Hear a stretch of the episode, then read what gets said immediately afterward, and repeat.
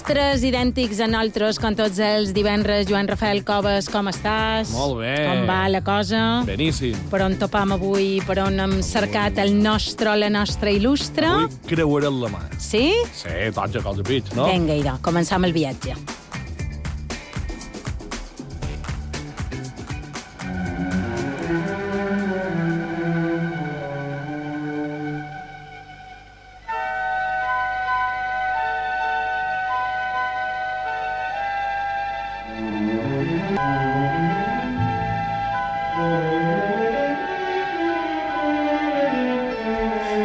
Cap on partim, Joan Rafael? Bé, doncs, situam a Maó. Mhm. Mm A, a Maó. Mo? Se vull dir bé, ho vull dir bé, Mentre no diguem Mahon. després mos arriben um, tuiters i coses. que- Efectivament, Que, no ho tinc que mos posa molt nerviosos, sí, Molt. moltíssim. Bueno, ens situam a Maó al voltant de l'any 1880, Mhm. en Guillermo Orfila, un home de negocis amb idees innovadores i de sobre conegut dins la societat maonesa pel fet de ser pioner en la indústria i estar implicat en la vida cultural de la ciutat, Eh, L'any 1886 funda l'impremta Fàbregas i Orfila, juntament amb el seu soci Francisco Fàbregas, per això la de Fàbregas i Orfila, perquè algú devia dir si és Orfila per Japó Fàbregas, pues, perquè en xef Fàbregas, en xef Fàbregas de l'època és el seu soci. El negoci funcionava, ja que donava servei a tot tipus de publicacions. A més, de dedicar-se a feines d'impremta també enquadernaven. Uh, com han dit, en Guillermo no només era un home de negocis, sinó que també estava molt implicat en la vida cultural de la ciutat. Era soci del Casino Consell Uh -huh. i fins i tot va exercir el càrrec de vice-tresorer de l'entitat. mm. En Guillermo Nostro, a més, treia temps per altres dedicacions, com per exemple l'amor. Ah, va, i que va conèixer qualque sí, joveneta. Per ser menor ja és fàcil enamorar-se, eh? ho hem de dir. Les menorquines, Eh, no? Sí, ja m'agraden les menorquines, les avisances, les mallorquines fins i tot. I era, Eh, I era menorquina la que va conèixer sí, el nostre sí, Guillem? perquè ell, mentre Sí? arranjava la seva impremta, coneix a Margelida Tudorí Coll, una joveneta de molt, també. Uh -huh. Després de festejar uns anys, el 16 de juny de 1888 es casaren a l'església de Sant Francesc de Mó. Uh -huh. La parella va establir el seu domicili familiar al carrer Infanta, número 17. Mare no meva, espera, que encara no duim ni, ni, ni, ni 20 línies de guió, ja sabem el nom, l'ofici, les, avisió, les aficions, l'han casat. Mira que sempre t'he dit que te, fer una mica de via, però ara, entre poc i massa, ja... No, no, no, no. Jo te diré No? que, que ni coneixem el nostre protagonista. Ah, la nostra protagonista. M'has enganat, eh? M'has enganat. Exacte, perquè no sabem ni de què se dedica, ni sabem si se casarà o no, Mm. perquè no fins al 10 de desembre del 1889 que neix na Margelida. Ah, va de dones, La molt és bé. avui la primogènita dels quatre fills que tindrà el matrimoni Orfila Tudorí. Uh -huh. Que, per cert, uh Mhm. -huh. jo no és perquè l'he fet jo, no, jo, no, però amb aquests llinatges... Oh, sí. De Formentera que- no és. Que quan duim, qualcú menorquí o menorquí no ho fem bé. Eh? Efectivament, és, sí. És com si xerrassen Pata negra. d'un poblet que fot Serregós. Per exemple, eh? o d'un pollencí que fos. Cerdà Cifra. Per exemple. Hi ha pot llinatges tan menorquins com Orfila. Exactament, sí.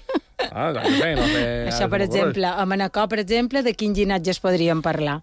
Rieres, que Rieres i- un... I Pocovis. Ah, sí, per Si exemple. jo tens una mitja riera Pocovi. O, per exemple, a Eivissa, es, es Marís, es Cardones, Exacte. es Torres. Exacte. No? Mira, sí, són d'aquells llinatges que els sentim i ja ens situam. Ah, sí, o, o, ara ja hi som. Som a Menorca, en aquest cas.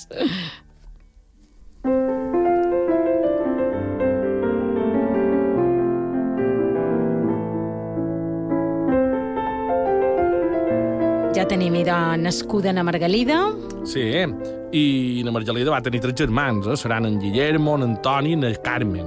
Bueno, Guillermo, Antònia i Carmen, perquè uh Mhm. -huh. ja, ja els hi feien por així. Uh, tots nascuts entre l'any 1891 i el 1894. El pare de Margelida alternava el pare estarà molt present tot el temps, eh? era un home que uh -huh. se feia notar. Alternava el tenir fills eh? uh -huh. a la millora del seu negoci. Era un home que era, com se diu així, multifuncional. Multitask. Multitask. Com ses dones, com, sí. Com el telè... Ah, jo anava a dir com el telèfon als mòbils, eh? multitarea, però bé, sí, També. com les dones. Sí. Uh, Com les dones i els mòbils, vinga. Exacte, l'any 1893 té una nova idea i comana maquinari nova i es posa a fabricar xatses de cartó Mhm. de diferents mides amb impressions en relleu Mare meva. de colors i, a més, reforçades en grapes metàl·liques.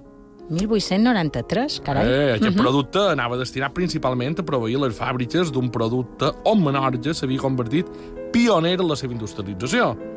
Mem, si adivines quin. Pioner, Menorca, formatges, per exemple, formatges de Menorca, el gin, xoriguer... Uh, tornem no. en els peus, les eubarques! Bueno, no sé si ben bé Ah. eren obarges, però el que sí sabem és que Menorca a principis del segle XX era un referent internacional de la indústria sabatera. Toma ja, enteros. Ah, Que se pensaven- que se pensaven que que eren tenien ells el monopoli, no? Tenien l'exclusivitat sabatera, La no. setmana passada, efectivament. Tot i que el pare de la Margelida tenia idees genials, com la de ser el pioner del parc... Del, ai, del pàrquing. Del pàrquing, no, del packing. Si ho hem parat malament, segurament. Del packing. Del packing. Sí. Eh, perquè ara ho hem de dir en De fer paquets, sí. Sona més bé. En xertó de Menorca, que al final, si ho penses bé, mem, sou primer que fa alguna cosa a Menorca, ho mèrit és relatiu. Eh, Vull dir, mem, Què vol dir? Que no són molt no innovadors, molts. allò. Bueno, no, primer de molt tot- emprenedors. Primer de tot, no, molt són, no, no, són, no és cert, molts, són poquets. Eh? O sigui que ja redueixen la competència, no? I tampoc, diguem, no tenen massa motor. Mare meva, Joan Ah. Rafel, entre inquers i, menorquins, els dos darrers programes, no sé si faràs massa amics, eh? Bé, Maria, aquí no hem vengut a fer amics, eh? hem vengut a jullar i jullam. A més, a la ràdio pública de les Illes Balears no poden dir mentides. No és vera? Ah? Que no poden dir mentides. I tu aquí. només dius I veritats, diem no? Vinga, eh? fent amics. Bé, el que dèiem, tot i que el pare de la Margelida era menorquí, més emprenedor del dos darrers segles a Menorca, segurament, a principis del segle XX, la cosa no anava massa bé a Espanya, eh? ni a Balears, ni molt manco a Menorca, ja sabem això, de la doble insularitat, que els agrada tant dir. Per tant, la Margelida es cria dins un ambient més bé humil, però a la vegada immers en la cultura, especialment en la cultura musical. Ja sabem que el seu pare sempre havia tingut relació amb el món cultural a Maó. Malgrat que la Margelida s'inicia, com dèiem, en els estudis musicals, la seva família no estava especialment vinculada a la música. O sigui, no trobava músics a la seva família. Però el fet de néixer a Maó, en el segle XIX, i que son pare fos soci del Casino Consell, varen ser factors segurament determinants. A més, la ciutat de Maó viu un context de tradició musical que s'intensifica en la construcció del teatre principal. Això l'any 1893. Arran d'aquest fet, l'activitat musical i cultural de la ciutat augmenta. A més, cal afegir-hi la creació de la ja fructífera Escola de Compositors i Organistes eh, sorgida al voltant de l'Òrgia de Santa Maria. Ja n'han sortit molt de compositors. Finalment, han d'esmentar que a final del segle XIX es formen associacions, com són els casinos, que promovien activitats culturals i musicals. A més, al voltant del passeig Isabel II, ara plaça de l'Esplanada, s'organitzaven trobades musicals amb bandes militars que duien a terme els seus concerts allà.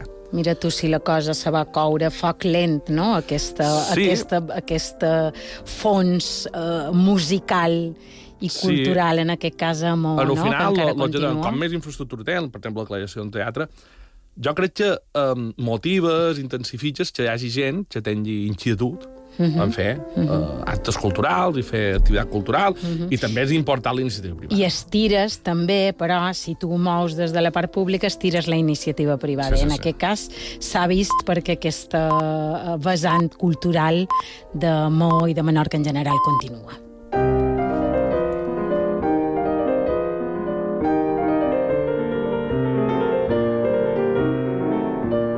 Però el context eh, econòmic no, no és fàcil, no anava no? de la mà uh -huh. cultural, podríem dir. Uh, era molt complicat, el context econòmic d'aquell moment.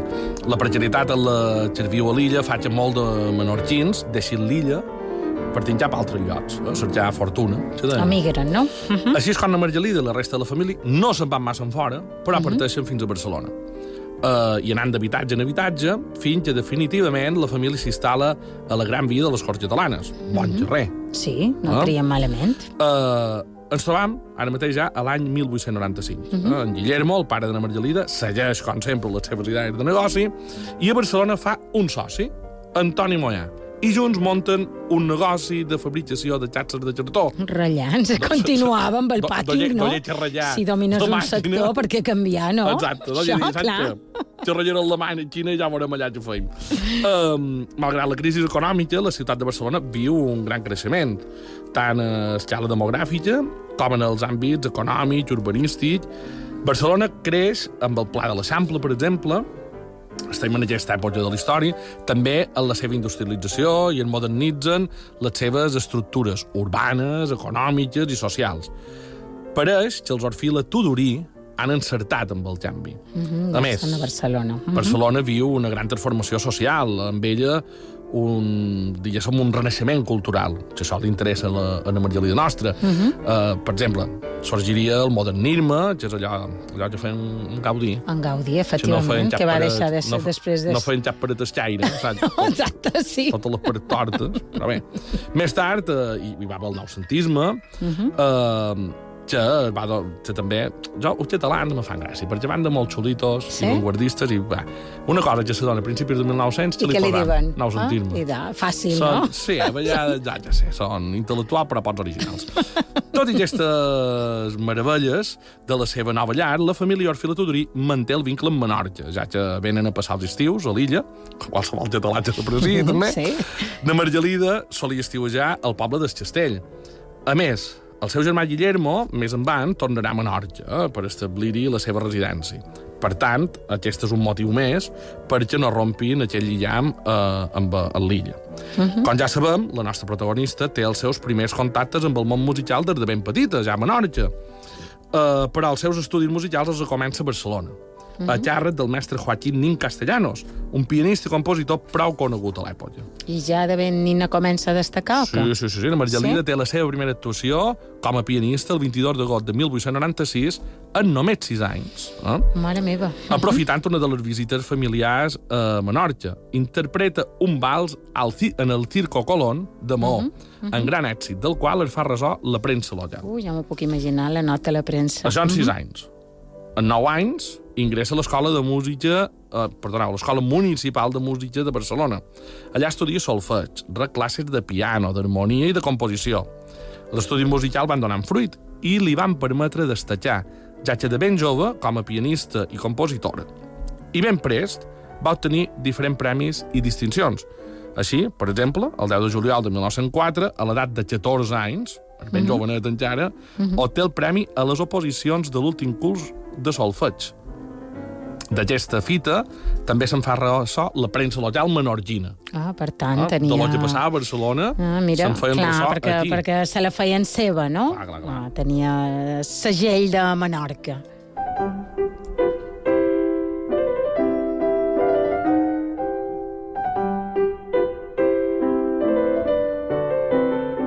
Ja tenim totes les claus, eh? ja sabem a què es va dedicar en aquest cas la nostra il·lustre d'avui, Joan Rafel. Sí, però a vegades ens falla el fet que traslladam els mèrits de la Margelida i altres dones a l'actualitat i uh -huh. a vegades perden com a valor. Hem de pensar que el talent i la completa preparació musical de la Margelida no eren les habituals entre les dones de l'època. De fet, tenien eh, dificultats per accedir, eh, sobretot en el món cultural, que era, hem de dir que era molt, molt per homes. Uh -huh. Però eh, eh, el juny del 1909, la Margelida es converteix en la primera dona en acabar els estudis superiors de contrapunt i fulla eh, a l'Escola Municipal de Música de Barcelona, amb una qualificació excel·lent. Uh -huh. Notici que també recullen i se'n fan ressò a Menorca, però també a la premsa catalana. Uh -huh. O sigui, ja comença a destacar uh -huh. dins el món, allà on ella viu, que és a Catalunya, ja li comencen a tenir un, un reconeixement prou important. Uh -huh. Però Anna Margelida Nostra és una jove agraïda. Al llarg de la seva carrera professional i en el curs de les seves actuacions, Anna Margelida sempre, sempre, sempre es mostrava agraïda als seus mestres. A qui es referia com autoritats musicals. Vaja. Això és important, eh? perquè molt de pits... Això ho veiem a vegades en el món de futbol, això que quan un esportista arriba Sí, se'n recorda després. del primer entrenador que va tenir o dels primers entrenadors que va tenir i, i és important perquè si arribes allà és perquè darrere has tingut gent que t'has pitjat. Clar, clar, clar. Per tant, veig que es va formar de manera molt, molt completa, no? I això li va dur en aquesta eh, dedicació a l'activitat musical, no? Sí, sí, sí, que també l'ocuparà a partir de la primera meitat del segle XX, període al llarg del qual eh, registrarà les seves primeres composicions. Uh -huh. eh? La seva activitat musical durant la primera dècada del segle XX eh, és molt intensa, en les diverses facetes, eh? de compositora, pianista i professora. Eh? Uh -huh. O sigui, eh, ho, ho abarcava tot, no només tocava, sinó que també es composava, i no Composava i, a perdia... més, mm, ella va, va tenir una plaça amb aquella oposició de solfeig, uh -huh. que va guanyar, uh -huh. tenia una plaça a l'Escola Municipal de Barcelona com a docent. Uh -huh. um, la Margelida, malgrat haver obtingut la millor qualificació, fet que semblava determinar un clar camí com a compositora, també otorgava molta importància a la vessant pedagògica, com dèiem, uh -huh. a la qual va dedicar molt d'esforços. De fet, desenvolupa la seva tasca docent durant més de 50 anys a l'Escola Municipal de Música de Barcelona, professió que va exercir fins a la seva jubilació.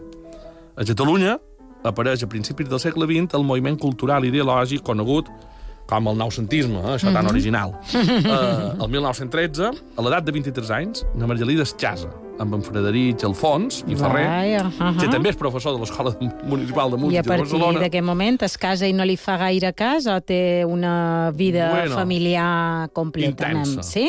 Varen tenir sis fills, Uh. o sigui que vida intensa. Ratllants, ja ho veig, sí. Eh, Varen tenir en Frederic, en Margelida, en Joan, en Sí? Guillermo, Sí? que va morir poc dies després de néixer, en Francisco i na Carme. Vaja. Uh -huh. La Margelida considerava tan important la maternitat en l'àmbit personal que va estar molt d'anys sense compondre. Uh -huh. va, va fer un break. Això també és saber degut a ella, eh? perquè a vegades ho veiem a l'actualitat, que moltes carreres professionals se trunxen o s'interrompen quan una dona amb cert èxit pues, té la maternitat i és tan difícil combinar la maternitat amb la, amb la professionalitat. No sabem si és un cas així, però...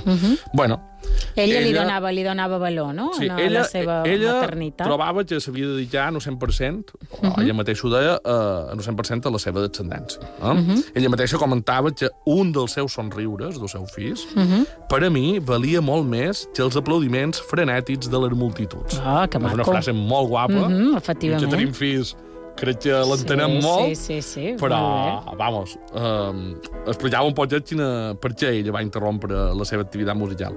Ja el comentat, en plena activitat compositora dels principis dels anys 30, na Margelida la viu dins un context de gran presència de la figura femenina dins el món de la música. O sigui, hi comença a dones que, com ella, comencen a despuntar dins un món musical. Per exemple, eh, seria un bon exemple que el dia 31 de maig de l'any 1930 es celebrés el primer concert de música femenina en el marc de l'Exposició Nacional del Treball de la Dona Espanyola, englobat també dins la que seria a l'Exposició Universal de Barcelona. Uh -huh. Com a compositora rellevant d'aquell període, Margelida Orfila va obtenir el ressò de tota la premsa, ja no només catalana i menorquina, sinó internacional. Ja. Mm -hmm, mare meva, per tant, veig que va tenir èxit en totes les seves vessants, Sí. no? També com a compositora, Jo no? que l'he estat ara llegint i cercant informació, és una dona eh, reconeguda internacionalment, que a vegades se mos escapa molt, a damunt que una dona de Menorca de l'època, vera que se'n va d'anar a Barcelona per aquells motius per a que arribàs a ser arribar. internacionalment, jo crec que té un valor Molt de mèrit, extraordinari. no? Mhm, En molt aquest context de maduresa i de reconeixement públic de l'obra de na Margelida Orfila, esclata la nostra ja recurrent Sí, que, que ens, Guerra- ens, ens atura i afecta molts dels nostres Guerra Civil il·lustres. Espanyola, Ja. exacte. Un esdeveniment duríssim perquè la família Alfons Orfila, Mhm. eh, ja que els seus tres fills varen haver de lluitar a bàndols diferents. Què me dius? Ah, quin drama, això. Uh, això és el drama de la guerra civil, jo crec. Una vegada acabada la guerra, Margelida segueix refugiada a la seva família i a la tasca docent. El seu marit mor l'any 1946. L'any 57 ja, quan va complir 50 anys de professora en el conservatori, amics, companys i deixebles i autoritats de l'època li varen retre un sentit homenatge al Saló Rosa de Barcelona. Segons el recull de premsa, diu Para agasajar a la señora Orfila se le ofreció un selecto concierto de obras originales de la misma, integrado por páginas pianísticas, canciones y obras corales. Sí, un estil d'escriptura molt, molt d'aquella Molt de època, periodisme no? d'un temps, eh? Uh -huh. On va passar Margalida Orfila i Tudorí els seus darrers anys? Els Juan va Rafael? passar la seva filla petita, en Carme, al seu pis de Barcelona, uh Mhm. -huh. i va morir el 29 d'abril de l'any 1970 a la ciutat comtal, a l'edat de, de 80 anys. Eh? O sigui, Mhm. que va arribar a major. Eh? Uh -huh. Ja retirada, de, evidentment, de la composició. El traspàs de la compositora pianista i professora maonesa va ser molt sentit en l'àmbit cultural, tant a Menorca, l'illa que la va veure néixer, com a Barcelona, la ciutat que la va veure créixer.